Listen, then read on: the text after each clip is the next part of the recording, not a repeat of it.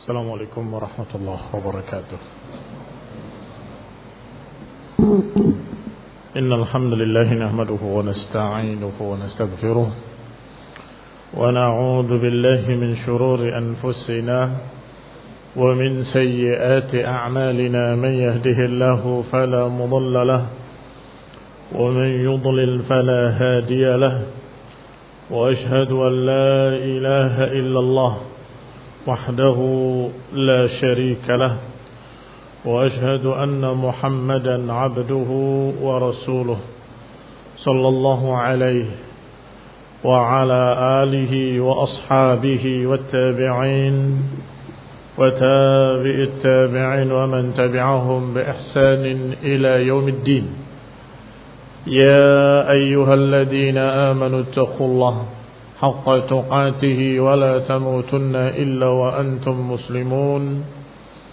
يا أيها الناس اتقوا ربكم الذي خلقكم من نفس واحدة وخلق منها زوجها وبث منهما رجالا كثيرا ونساء. واتقوا الله الذي تساءلون به والأرحام. إن الله كان عليكم رقيبا. يا أيها الذين آمنوا اتقوا الله وقولوا قولا سديدا. يصلح لكم أعمالكم ويغفر لكم ذنوبكم. ومن يطع الله ورسوله فقد فاز فوزا عظيما. أما بعد فإن خير الحديث كتاب الله. وخير الهدي هدي محمد صلى الله عليه وعلى آله وسلم. وشر الأمور محدثاتها فإن كل محدثة بدعة وكل بدعة ضلالة وكل ضلالة في النار.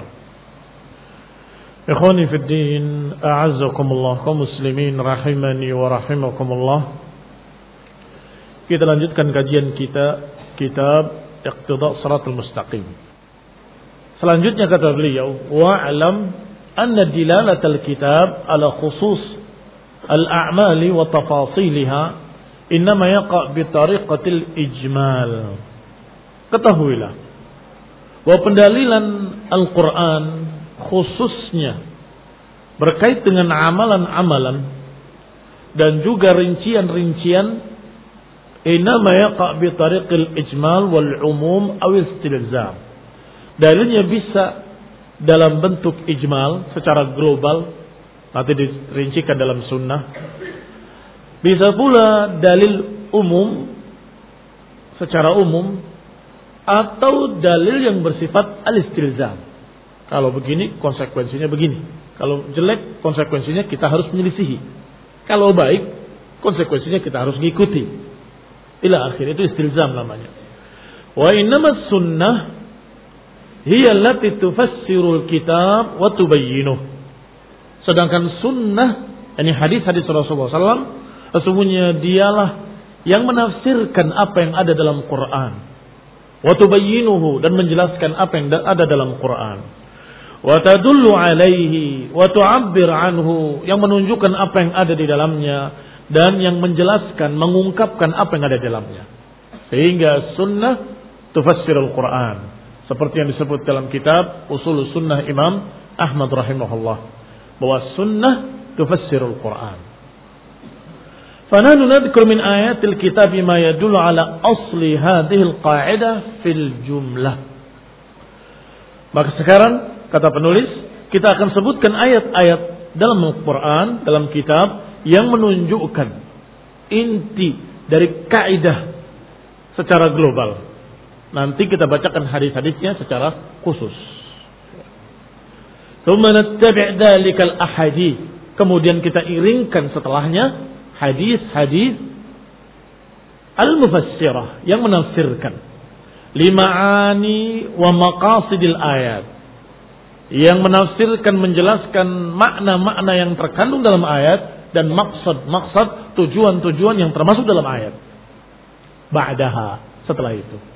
Berarti kita akan bacakan sekarang dalil-dalil perintah agar kita menyelisihi orang-orang kafir dan mengikuti kaum muslimin, kaum mukminin.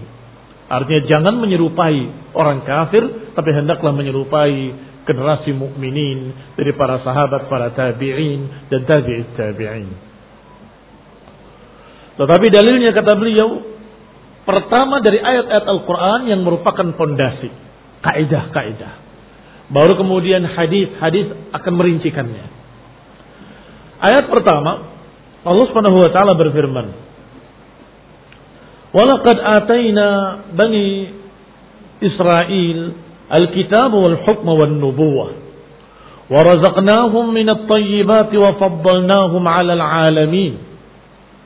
Kata Allah dan sungguh kami telah berikan kepada Bani Israel, bangsa Yahudi. Kami berikan pada mereka hukum kenabian dan kami rezekikan pada mereka yang baik-baik. Minat tayyibat wa 'alal 'alamin dan kami telah utamakan mereka di atas seluruh alam waktu itu. Berarti Bani Israel di masanya mendapatkan beberapa keistimewaan diutus nabi-nabi di tengah mereka dari kalangan mereka diberikan hukum-hukum syariat diberi rizki yang baik dan juga diutamakan di atas seluruh bangsa-bangsa yang lain. Ini Allah berikan pada Bani Israel di masanya. Wa atainahum bayinat minal amri. Kemudian kami berikan pada mereka keterangan-keterangan yang jelas. Dari perintah-perintah. Dan larangan-larangan tentunya. Yani syariat. Apa kata Allah selanjutnya? Famaqtalafu illa min ba'di ma ja'ahumul ilmu bagian bainahum. Ternyata tidaklah mereka berselisih, bertikai, berpecah belah kecuali setelah datang kepada mereka ilmu. Mengapa? Justru setelah datang ilmu, setelah datang keterangan yang jelas, hukum-hukum, ini boleh, ini tidak boleh, ini halal, ini haram, ternyata justru mereka berselisih. Bertikai. Seharusnya kalau udah ada keputusan dari Allah, Seharusnya mereka bersatu. Kompak. Kata Allah, bagian bainahum. Karena bagi. Bagian bainahum. Karena ada bagi di hati mereka. Ada penyelewengan, ada penyimpangan. Ada penyakit di hati mereka. Inna rabbaka yaqdi bainahum yaumil qiyamah. Allah lah Rabb kamu yang akan memutuskan di tengah-tengah mereka siapa yang benar, siapa yang salah. Fima kanu fihi ikhtalifun. Allah lah yang menjadi hakim yang memutuskan di kalangan mereka mana yang benar, mana yang salah dengan apa yang mereka perselisihkan atau dalam apa yang mereka perselisihkan. Tapi lihat ayat berikutnya. Thumma ja'alnaka ala syari'atin minal amri Fattabi'ha. Kemudian kami jadikan untukmu siapa yang disebut kamu di sini? Thumma ja'alnaka dengan domir mukhatab mufrad. Kemudian kami menjadikan kamu. Siapa yang dimaksud? Rasulullah SAW. Nabi ummi. Nabi yang terakhir. Khatamul anbiya. Penutup para nabi. Kemudian kata Allah kami jadikan engkau ala syariatin di atas satu syariat yang sempurna. Syariat apa berarti? Syariat Islam. Kata Allah, fattabi'ha, maka ikutilah syariat itu. Wala tattabi' ahwa alladina la ya'lamun dan jangan ikuti hawa nafsu, hawa nafsu mereka-mereka yang la ya'lamun, yang tidak mengerti yang jahil, yang bodoh. Kata Syed Ibn Uthaymin rahimahullah, bahwa yang dimaksud ahwa alladzina la ya'lamun, hawa nafsu, hawa nafsu orang yang bodoh adalah mereka Bani Israel tadi. Sudah diberi kenabian, diberi kemuliaan, diberi yang diutus di tengah-tengah mereka para nabi itu mana yang diberi kenabian. Tetapi mereka tidak mengikuti nabi mereka sendiri. Bahkan sebagian para nabi dibunuh oleh Bani Israel. Yaqtulun al-anbiya. Mereka membunuh para nabi. A'azakumullah. Di antaranya yang mereka upayakan untuk mereka bunuh adalah Nabi Zakaria. Dan termasuk Nabi Isa. Mereka kejar. Walaupun tidak berhasil.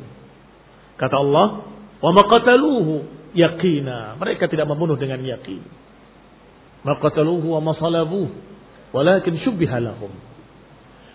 Beliau tidak mereka bunuh, ini tidak berhasil. Beliau tidak mereka salib, tetapi syubbiha diserupakan seseorang dengannya. Bal rafa'ahu Allah, bahkan Allah angkat Isa ke langit.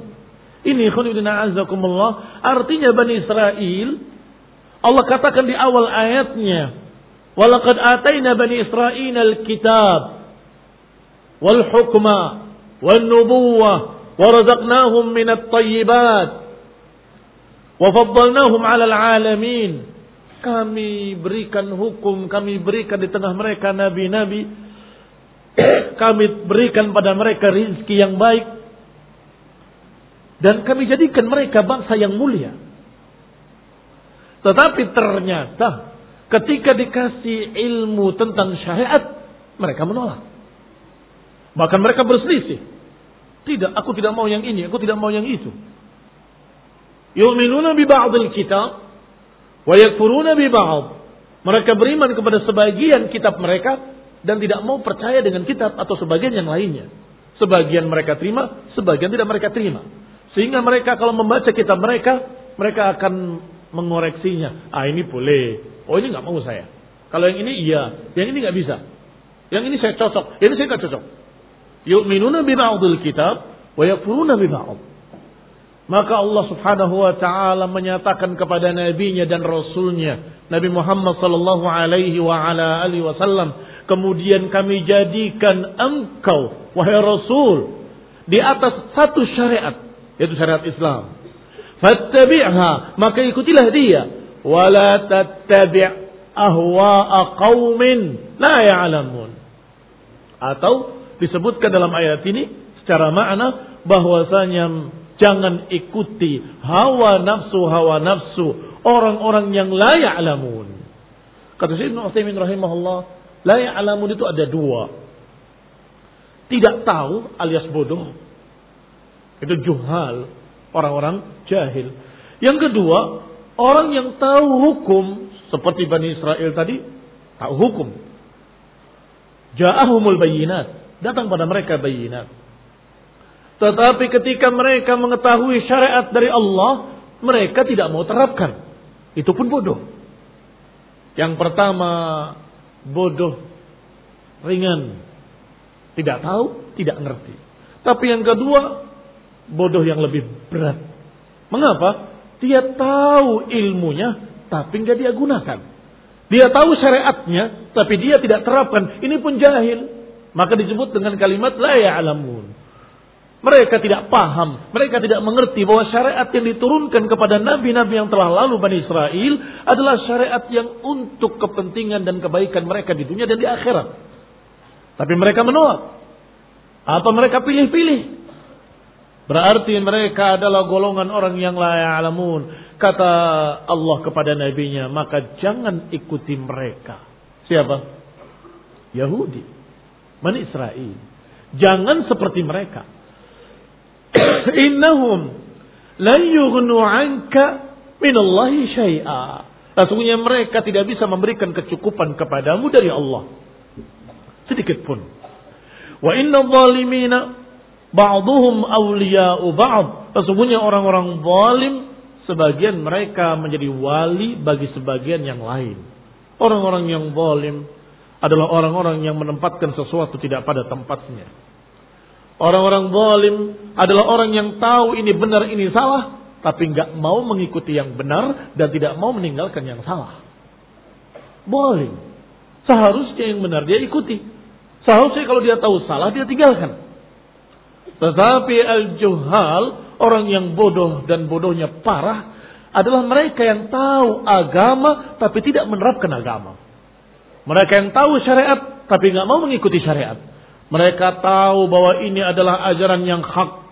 Ini ajaran dari Allah, ini Al-Quran, ucapan Allah. Tetapi dia tidak ikuti.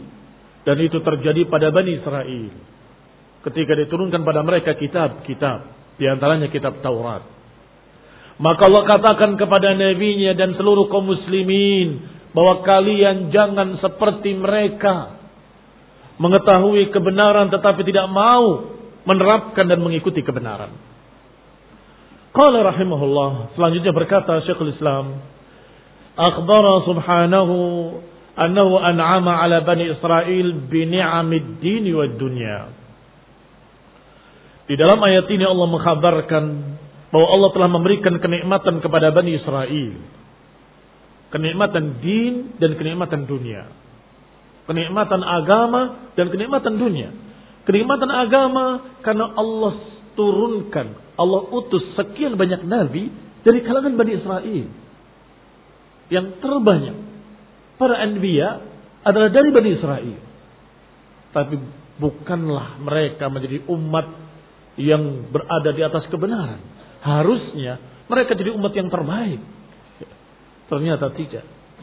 Justru mereka ikhtalafu min ba'di ma ja'atuhumul bayyinat. Baik dunianya, ad-dini wa dunya, kenikmatan dunia disebutkan dalam ayat tadi wa razaqnahum minat thayyibat. Kami berikan rizki dari thayyibat. Siapa? Bangsa-bangsa yang Allah berikan kepada mereka makanan dari jannah manna wa salwa Bani Israel siapa yang Allah manjakan diberi dua belas jalan di lautan jalan yang kering membelah lautan dengan tongkat Nabi Musa dengan izin Allah Subhanahu wa taala Bani Israel siapa yang Allah mengizinkan mereka untuk mendengar firman-firmannya secara langsung. Bani Israel. Banyak perkara-perkara yang diberikan kepada Bani Israel tidak diberikan pada yang lain. Seharusnya mereka menjadi syakirin. Jadi orang-orang yang bersyukur. Dan menjadi orang yang paling beriman. Ternyata tidak demikian. Maka Allah katakan kepada nabinya dan seluruh kaum muslimin sebagai umat terakhir, jangan kalian meniru bangsa Yahudi. Jangan kalian mengikuti jejak Bani Israel. Wa annahum ikhtalafu ba'da maji'il ilmi. Dan bahwasanya Bani Israel justru berpecah setelah datang ilmu. Itu keanehan. Kalau ada orang yang berselisih karena sama-sama nggak ngerti, biasa ikhtalafal juhala. Berselisihnya orang-orang bodoh biasa. Sama-sama nggak ngerti. Akhirnya ribut. Tetapi ketika datang ayat, ini yang benar, ini yang salah. Harusnya kan selesai. Oh kalau gitu saya salah. Saya bertobat pada Allah. Yang benarnya Alhamdulillah saya mendapatkan taufik pada kebenaran. Akur kembali. Seharusnya. Tetapi Bani Israel, bangsa Yahudi setelah turun ayat-ayat Allah dalam kitab Taurat, mereka berselisih. Kenapa kok begini? Kenapa ayatnya seperti ini? Kenapa hukumnya begitu? Kenapa nggak begini? Dan itu khas, ciri khasnya Bani Israel. Ciri khasnya bangsa Yahudi. Dalam bahasa kita, rewel. Nabinya menyatakan dengan perintah Allah tentunya. Fadbahu baqarah. Seekor sapi. Mereka tanya, kayak apa sapinya? Kayak sapi yang kuning gak ada belangnya. Sapi yang kuning yang gak ada belangnya yang kayak apa? Yang tidak pernah dipakai menggarap sawah. Masih belum jelas bagi kami sapi yang seperti apa yang harus kami sembelih. Lihat, kalau pertama diperintah sembelih sapi, ambil sapi sembelih, selesai kan? Tetapi karena banyak tanya, jadi mempersulit mempersulit diri mereka sendiri. ini adalah mereka. Bahkan diberi mana wasalwa. Makanan yang Masya Allah. Yang sudah siap saji. Bahkan bukan siap saji. Siap santap. Daging burung yang ada tidak di atas, tidak di bawah, tapi di hadapan mereka. Tinggal ambil. Di antaranya dan seperti sejenis madu-madu yang ada di pinggir-pinggir bukit-bukit gunung-gunung. Yang mereka tinggal ambil, tinggal makan. Apa jawab mereka? La nasbir ala ta'amin wahidin fad'u lana rabbak. Kami nggak sabar dengan makanan ini terus. Coba mintakan pada Rabbmu. Makanan-makanan yang ditumbuhkan oleh bumi. Imma tumbitul ardu min baqliha wa qithaiha wa fumiha wa adasiha wa basaliha. Kami minta yang ditumbuhkan dari bumi, sayur mayur, sayur adas, bawang putih, bawang merah.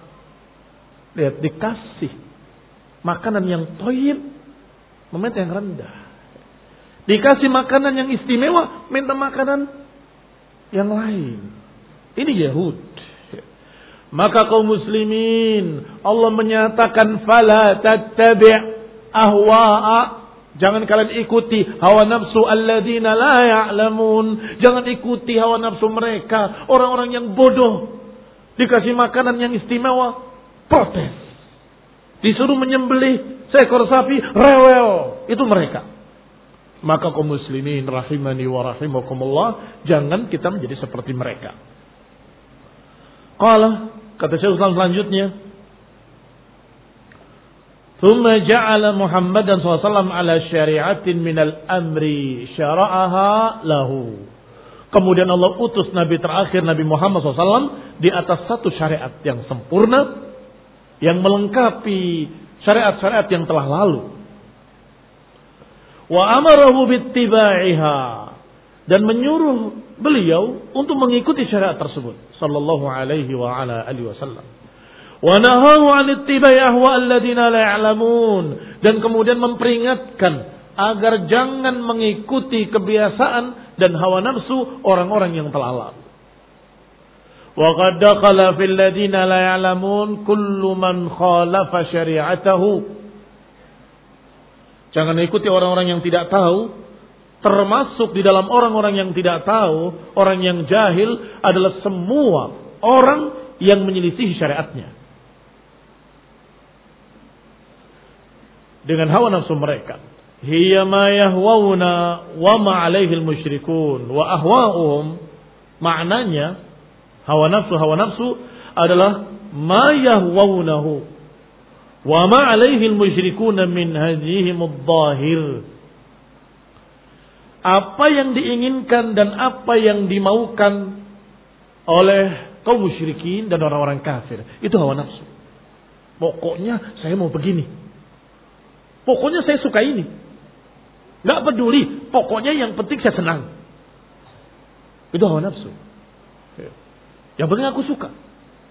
Yang penting happy kata mereka. Ini hawa nafsu. Maka dikatakan jangan ikuti hawa nafsu mereka. Tapi ikuti syariat. Ikhwani azakumullah. Kadang mereka selalu mengajak kepada hawa nafsu karena sering kali manusia paling senang kalau diajak untuk bebas. Pokoknya kamu kerjakan apa pun yang kau mau, silakan. Senang sekali. Padahal itu berbahaya. Berbahaya. Bahkan makan dan minum saja. Makanan yang halal, minum yang halal. Kalau mengikuti hawa nafsu, terlalu banyak, sakit. Maka Allah ajarkan, kulu washrabu. Wala tusrifu. Silahkan makanlah, silahkan minumlah. Tapi jangan berlebihan. Ada batasannya. Jangan berlebihan. Berlebihan sakit. Maka kalau dibebaskan sebebas-bebasnya, manusia kadang bodoh. Seperti ikan yang kamu beri makan kebanyakan kemudian mati. Loh, siapa yang suruh makan sampai kekenyangan? Ya itulah kebodohan. Dia makan semuanya dan kemudian mati.